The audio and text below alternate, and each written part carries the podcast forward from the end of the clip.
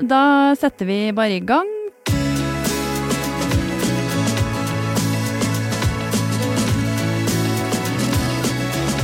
Velkommen til Kosmorama podkast.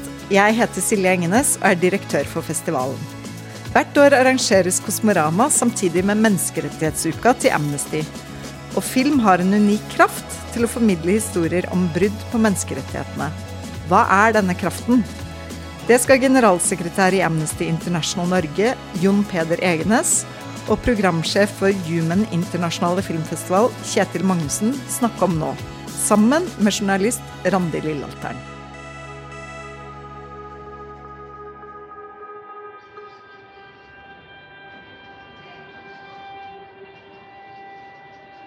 el 13 de julio de 2007. Yo ya tenía los nueve meses de embarazo.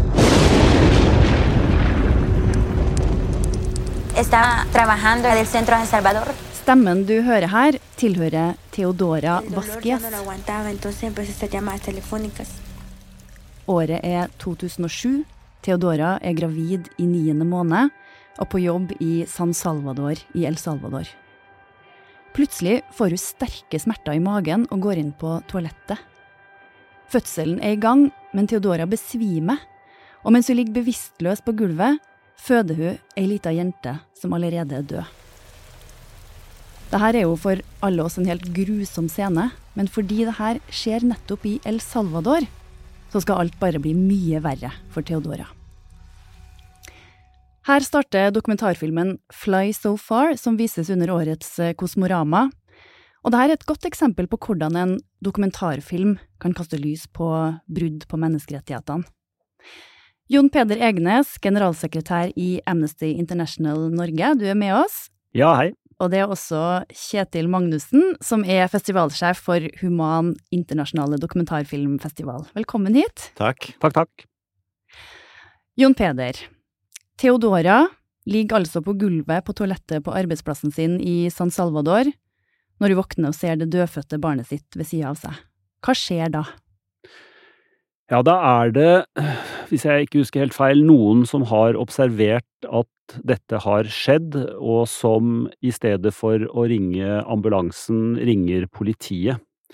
Eh, Og Theodora går litt inn og ut av bevissthet, eh, så når hun våkner en gang til etter å ha vært eh, bevisstløs en kort periode, så står det mange mennesker rundt henne, deriblant politifolk, som er i ferd med å arrestere henne.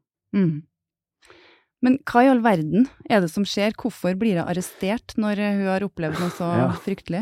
Ja, det er, det er vanskelig å, å, å se dette for seg i, i Norge, men, men situasjonen i El Salvador er sånn at abort er helt forbudt under absolutt alle omstendigheter. Og det skaper en, eh, en slags, jeg vil nesten si en slags hysteri eh, rundt ja, den, denne typen hendelser, og, Theodora er jo ikke den eneste historien, man får høre flere også i denne filmen. Så at når folk eh, opplever noe sånt, da, så, så mistenker de, tror jeg, rett og slett at dette er abort, og så ringer de politiet. Eh, og så er det da situasjonen sånn at når kvinner har da denne typen eh, hendelser, som som sagt er flere, altså dødfødsler langt ute i eh, svangerskapet, Eh, Theodora skulle jo sannsynligvis føde eller, Altså, dette var på en måte en naturlig igangsatt fødsel, litt tidlig, men allikevel en naturlig igangsatt fødsel. Så blir de ikke bare tiltalt for å ha tatt abort, men de blir tiltalt for å ha drept barnet sitt bevisst. Um, fordi at det da er på en måte Jeg antar at logikken er at det er enda mer et barn da, enn et, eh, enn et eh, foster som man vanligvis Altså på det stadiet man vanligvis tar en abort. Eh, og da får man lovens strengeste straff, gjerne. I Theodoras tilfelle 30 års fengsel. Og da legges det til dette skal vi si, overlagt drap-elementet legges til at man har til og med gjort det med et nært familiemedlem. Så disse kvinnene, og og Theodora eh, spesielt, de opplever altså eh, en dødfødsel, som jo i seg selv er en voldsomt traumatiserende opplevelse.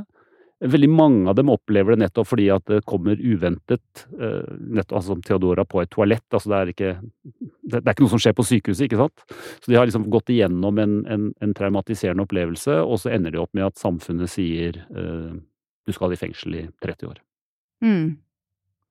Ja, det er jo så grusomt at vi som sitter her nesten ikke kan fatte og begripe det. Men dere i Amnesty, dere engasjerer dere jo etter hvert i Theodora sin sak, eh, og det er også med på å endre situasjonen hennes, kan vi se i filmen. Men hvis vi går litt, eh, zoomer litt ut fra akkurat denne filmen, hva betyr denne typen dokumentarfilmer for deres arbeid med menneskerettigheter?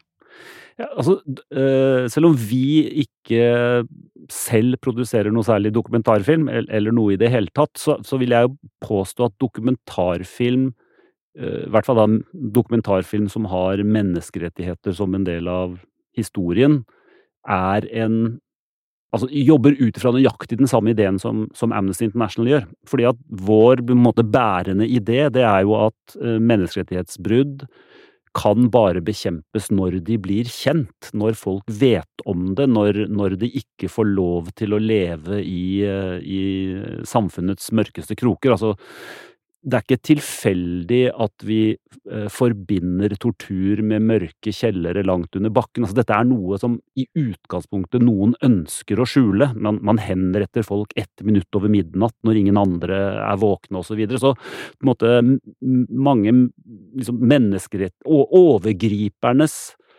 rasjonale, på en måte, det er at hvis jeg kunne slippe unna med dette uten at noen vet om det, så ville de nok helt sikkert gjort det. Og det er på en måte litt av tanken vår, da, at vi graver fram faktaene og publiserer dem. Og så er jo menneskerettighetsmiljøet, det, liksom det tradisjonelle Amnesty, Human Rights Watch osv., vi er utrolig tekstbasert. Vi er blitt bedre etter hvert, men vi er altfor tekstbasert. Um, og det er klart at man kan skape bilder i folks hoder med tekst uh, også, men, men, der kommer på en måte dokumentarfilmen inn med sin, med sin særegenhet, da, hvor hun faktisk bruker bilder uh, og bruker de dramaturgiske grepene, bruker musikk, altså alt dette som vi jo vet også skaper følelser. Og engasjement liksom, vi, vi, er helt avhengig av engasjement. Vi, vi, vi, vi, har ganske mange ansatte, men uten såkalte vanlige folk, som jo er det alle skal snakke om om dagen, eh, så, så hadde ikke vi hatt den eh, tyngden vi har. Eh, og, og vi trenger at mennesker blir engasjert. Og derfor så trenger vi også dokumentarfilm som folk Jo flere som går ut av Fly So Far, og tenker fins det flere av disse kvinnene, og det gjør det, jeg er ikke helt sikker på tallet, men det er i hvert fall 14, ehm, så vil jeg gjøre noe med det. Da tenker jeg at da har Theodora selv eh, bidratt til noe hun er veldig opptatt av. Jeg antar at de som har skapt filmen, har oppnådd akkurat det de vil, og vi i Amnesty vil applaudere det noe voldsomt, fordi at det er akkurat det vi trenger. Vi trenger engasjerte, kanskje litt sinte, opprørte mennesker som sier sånn kan det ikke være, vi må gjøre noe med det. Mm. Uh, Kjetil Magnussen, du er festivalsjef for eh, Human internasjonal dokumentarfilmfestival, og festivalen deres starta jo opprinnelig som en, som en festival som kun viste filmer om eh, menneskerettighetsproblematikk. Mm. Hva, det, hva, tenker du det som gjør at dokumentarfilm er så godt egnet til å belyse de her problemstillingene? Dokumentarfilm, det er det ene er jo at dokumentarfilmen har bedre tid enn om vi sammenligner med eksempel nyhetsjournalistikk, enten det er på papir eller på TV i, i eh, Dagsrevyen eller andre, eller radio. Så filmen kan bruke mer tid på å føre deg inn i saken. Men så har du jo også det at eh, dokumentarfilmen har et mye større spillerom også enn det journalistikken tillater seg selv å ha. Så det å, med å skape engasjement gjennom å gjennom å bruke dramaturgi og gjennom å fortelle en historie med mening, så blir også vi som tilskuere trukket mye mer inn i det, og mye mer engasjert inn i det. Eh, og det er jo en veldig stor eh, forskjell fra det å lese en notis eller en, nyhetssak, hvor du sier at ja, Theodora Vaskes ble fengslet for eh, en, en, eh, en eh, spontanabort som jo er sjokkerende i seg selv, men du blir ikke like trukket inn av bare den teksten, sånn som du blir av å se en hel film og komme inn i Theodoras historie, bli kjent med henne og kjenne litt på det ordentlig. Så det er en ganske stor uh, forskjell. Dere har jo hatt denne festivalen helt siden 2008. Hvordan har interessen hos publikum utvikla seg på den tida for å se denne typen uh, filmer? Jeg tror generelt så, så, ser vi rundt oss at eh, dokumentarfilmens popularitet har økt over de siste par-tre tiårene, jevnt og trutt. Um, for vår festival så ser vi også at det hele tiden øker. Det er vel litt med at vi flere blir kjent med festivalen, uh, men forhåpentligvis også at flere ønsker å se dokumentarfilm fordi det er både god film og, god kunst, men også informasjonsmessig nyttig og godt og, eh, og bra, bra, bra filmer om, mm. om, viktige temaer. Og selvfølgelig om, om mindre viktige temaer, da, men det er jo eh, den gode blandingen som er løsningen. Ja, for man kan jo tenke seg, sant, uh, Human internasjonal dokumentarfestival, at, at, at, det er på et vis litt sånn menigheten, dem som er opptatt av de her spørsmålene fra før, som går og ser på? Det, det kan det nok være. Men uh, det er jo ikke uten misjon, det heller. Så, men, men det er klart at når vi har utvidet festivalen til å være mye mer enn en menneskerettighetsfilmfestival, så er det både fordi vår egen interesse for dokumentarfilm vokser og blir bredere. Eh, men vi har jo også en liten tanke om at ved å ha et bredere program, så trekker vi flere mennesker inn til festivalen, og flere også inn til å se disse filmene som er mer spesifikke om menneskerettigheter, og kanskje litt mer vanskeligere å se, og av og til ganske vonde å se. Mm. Jeg kan, hvis jeg bare kan si noe fort til det, så er jo jeg på mange måter en publikummer på Human.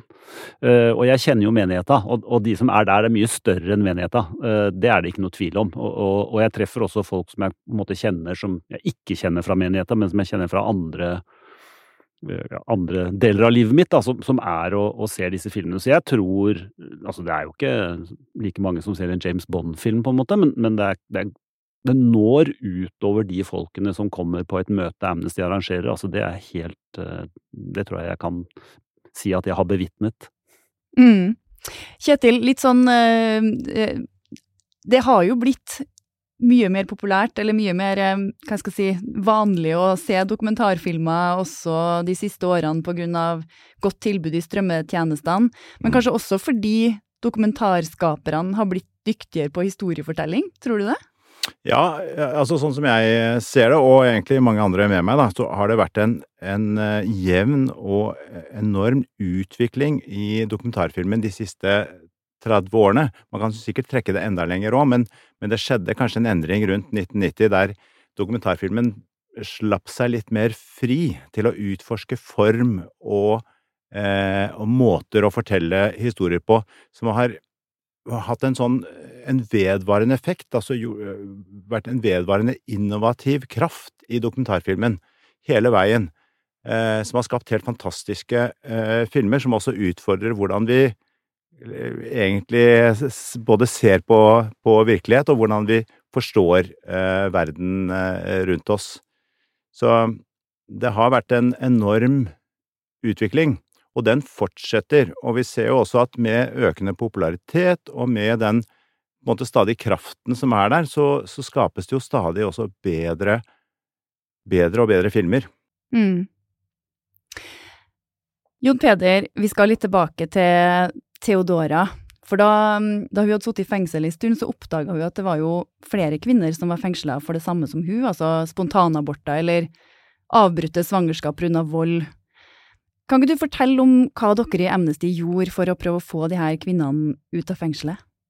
Ja, um, vi, vi, tok eh, som, som, denne typen litt sånn vanskelig problematikk som ikke sånn folk umiddelbart griper hvis du snakker om det på et litt sånn overordna generelt nivå, for dette handler jo i mine øyne liksom, Dette har utgangspunkt i det totale forbudet mot abort. Det, det, det må man forstå at det er ikke, det er ikke på en måte straffeloven knytta til drap som, som fører til at disse kvinnene sitter der. Det er synet på kvinner og deres, som Theodora sier i filmen, vi er egentlig bare sett på som maskiner som skal produsere barn.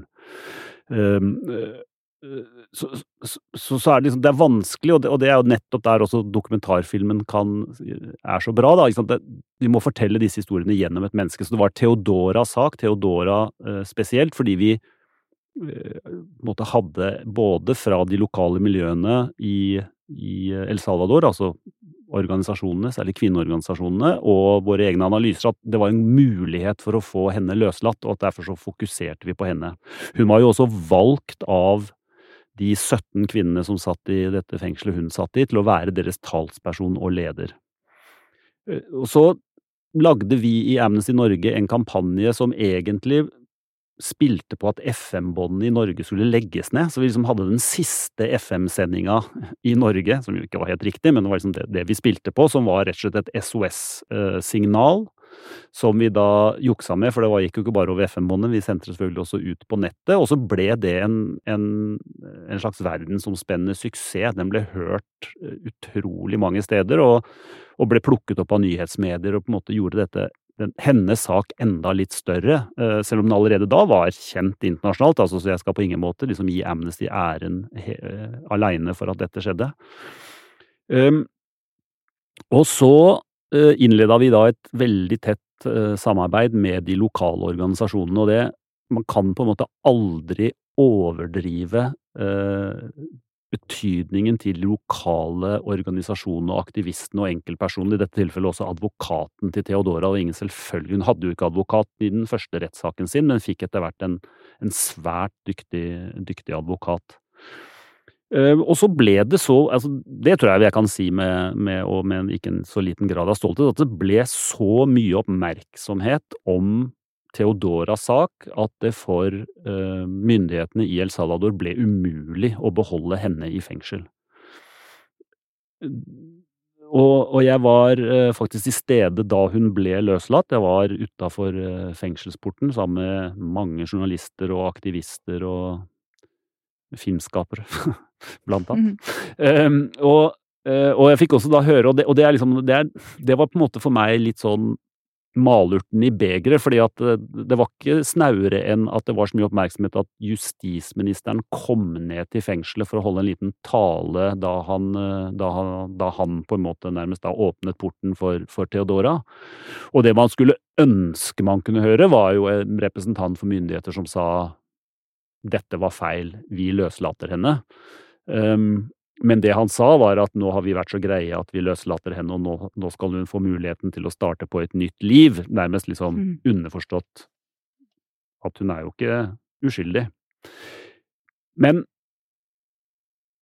det ble en, en, en Det ble overskygget da, av, av, uh, av, det øvrige, for det var, en, det var et gjennombrudd um, i kampen mot dessverre kanskje ikke abortloven nå i første omgang, for der har det gått litt bakover, men, men i kampen for disse som sitter på akkurat denne typen dommer.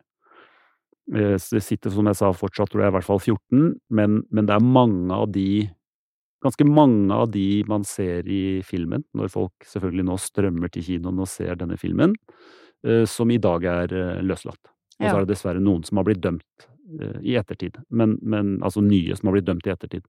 Men, men eh, en del av de kvinnene man ser eh, og møter, eh, har da kommet ut, heldigvis. Ja. Fortell om da, da du sto sammen med faren hennes. Det var en henne, Ja, eller, er, faren er jo jeg, det, jeg, har faktisk sett denne filmen i dag, for jeg tenkte jeg må se den så tett opp til podkasten som mulig. Og jeg kjenner De kommer ikke til å kjenne igjen meg, men jeg har møtt uh, alle omtrent som, som, figurerer i denne filmen. Um, ikke minst moren og faren til, eh, til eh, Theodora. Um, og Theodora Det er, det er jo interessant Altså, du kommer jo ikke ut fra ti år i et overbefolka fengsel hvor selvfølgelig det er ganske mange beinharde kriminelle som også sitter fengslet, og hvor, og det er viktig å si, disse kvinnene er sett på som de som er aller lavest på rangstigen i fengselet, fordi de har drept sine egne spedbarn. Det er jo det de er der for, og, det, og, de andre fangene ser på dem som det også. Så de forteller jo historier om hvordan de ble sett på som det laveste lave kriminelle inne i fengselet. Og Theodora er jo en utrolig sterk personlighet, og når hun kom ut og jeg snakket med henne første gang, så er det jo en liten sånn følelse av at hun liksom Hvis jeg sier én ting feil, så klabber hun til meg. Eller jeg ser for meg sånn, du vet, sånn, sånn fengselskniv som noen har laget. Altså, virkelig, For hun jo Hun har liksom overlevd som en av de sterkeste i dette, i dette um, miljøet, da. Og så er moren og faren på en måte den, de totalt rake motsetninger. De er ekstremt beskjedne. De er jo midt i en virkelighet som de overhodet ikke har vært i nærheten av før, med kameraer overalt, og datteren deres er i, får mikrofoner og kameraer i fjes, og de, særlig moren tør å uttale seg, og hun får mikrofoner i fjes og sånn. Mens faren er veldig, veldig beskjeden. En, en, en veldig sånn klassisk utseende latinamerikansk, eh, sannsynligvis en urbe, i hvert fall mye urbefolkning, um, og veldig liten. Og så, rett etter løslatelsen, så er det et møte på et sånt kvinnehus. Og eh, jeg tenker at dette er på en måte en slags eh, lokal Jeg skal ikke ta opp plassen til lokale kvinner. Theodora skal holde tale osv., så, videre, så tenker jeg at jeg, går på utsiden. Men så gikk det an å stå på utsiden og titte inn gjennom vinduet.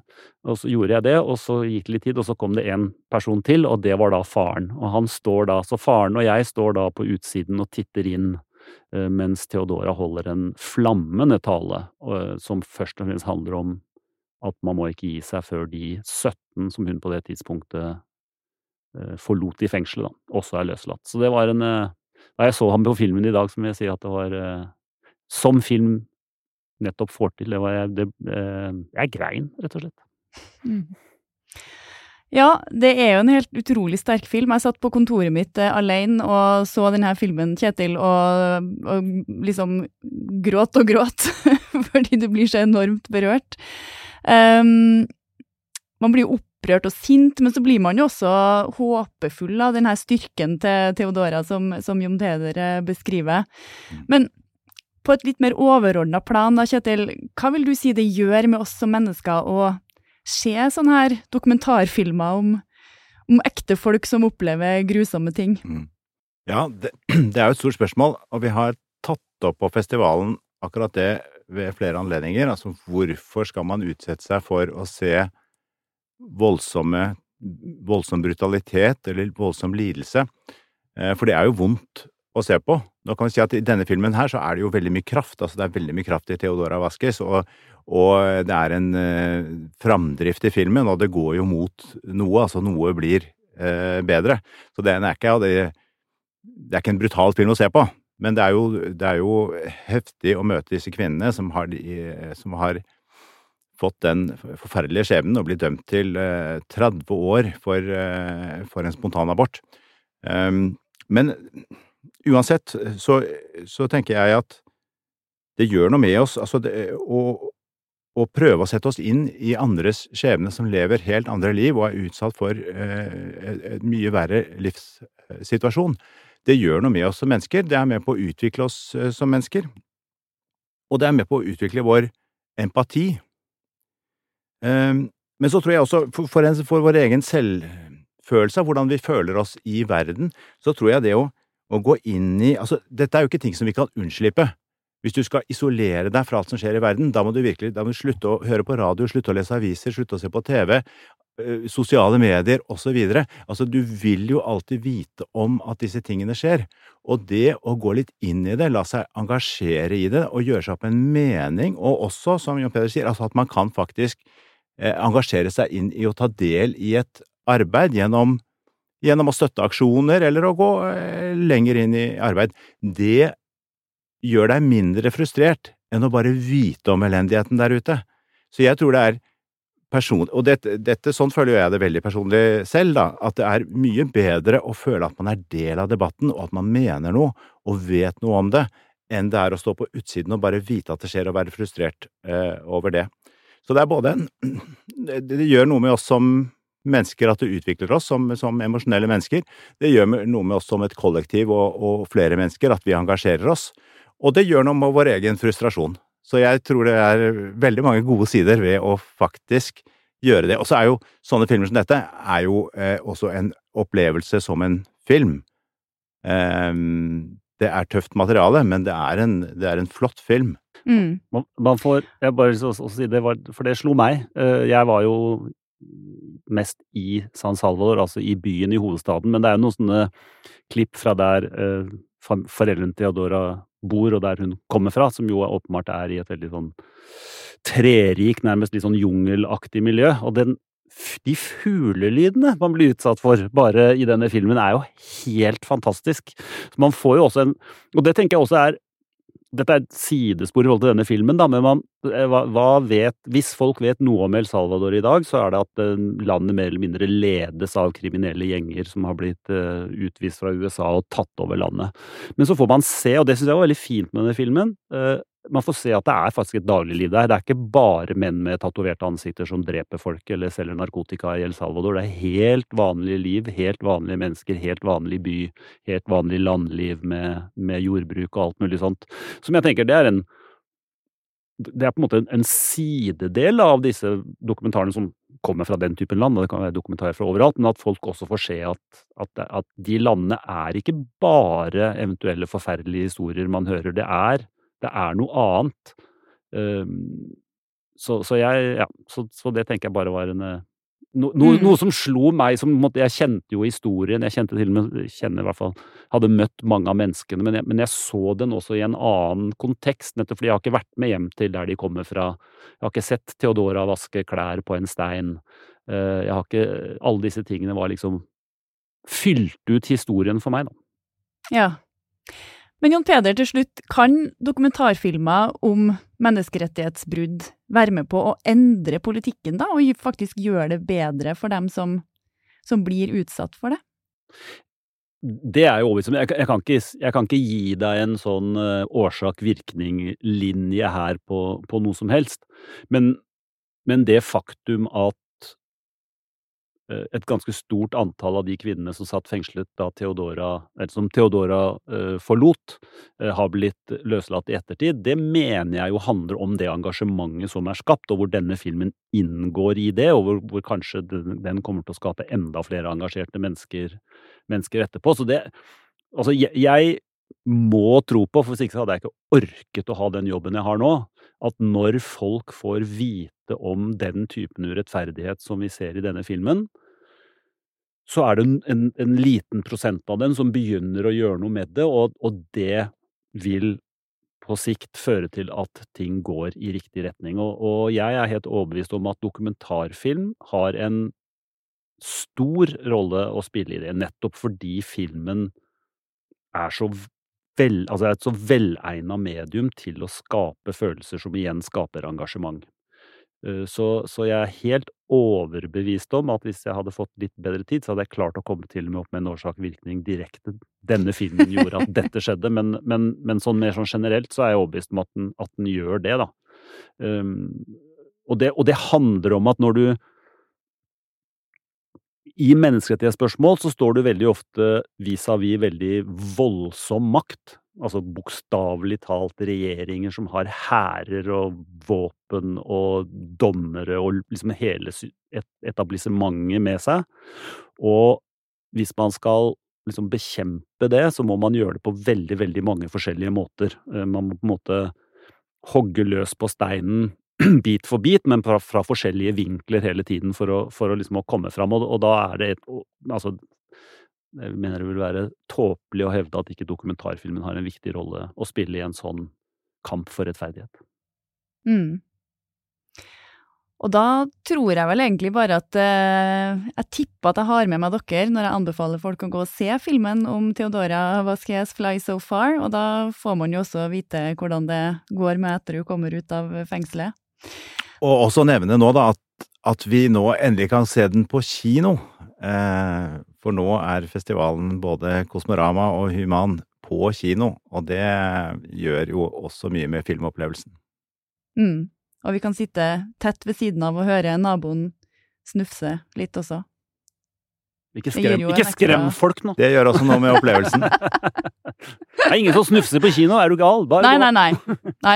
Det er bare meg, og jeg har sett den fra før. Å skal... Ja, sånn snufse, ja. Jeg trodde du mente sånn Å ja, nei, ikke sånn koronasnufs. Nå mente jeg sånn rørt snufs. Å ja, ja. Men vi har jo fått ja. sånn advarsel mot å aldri gå på jobben hvis du snufser og sånn, så Nei, nettopp. Nei. Ja, Men det skal også sies, da, det der nettopp det å være i en sal, ikke bare at du har et stort lerret og god lyd, og du sitter liksom i et godt kinosete. Men det å være et sted sammen, oppleve noe sammen med andre, gjør enormt mye med hvordan du opplever en film, og hvordan du tar inn det du ser. Så eh, kinoen er mye mer enn bare et større lerret.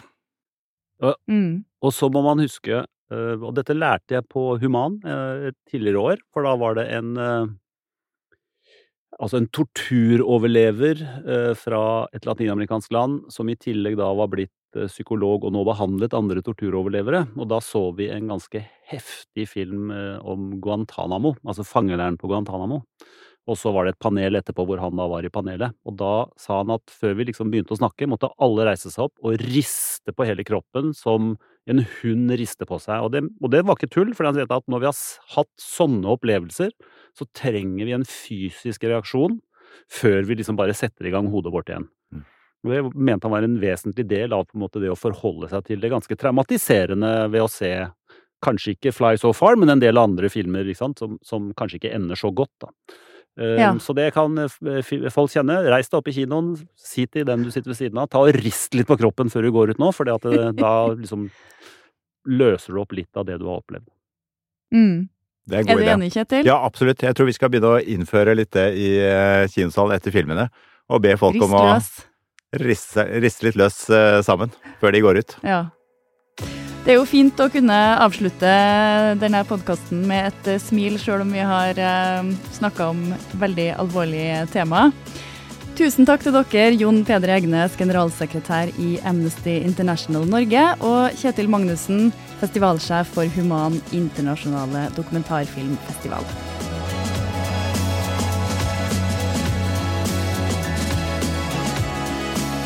Du har hørt Kosmorama-podkast. Den er laget av Historiebruket for Kosmorama. Podkasten er støttet av Fritt Ord.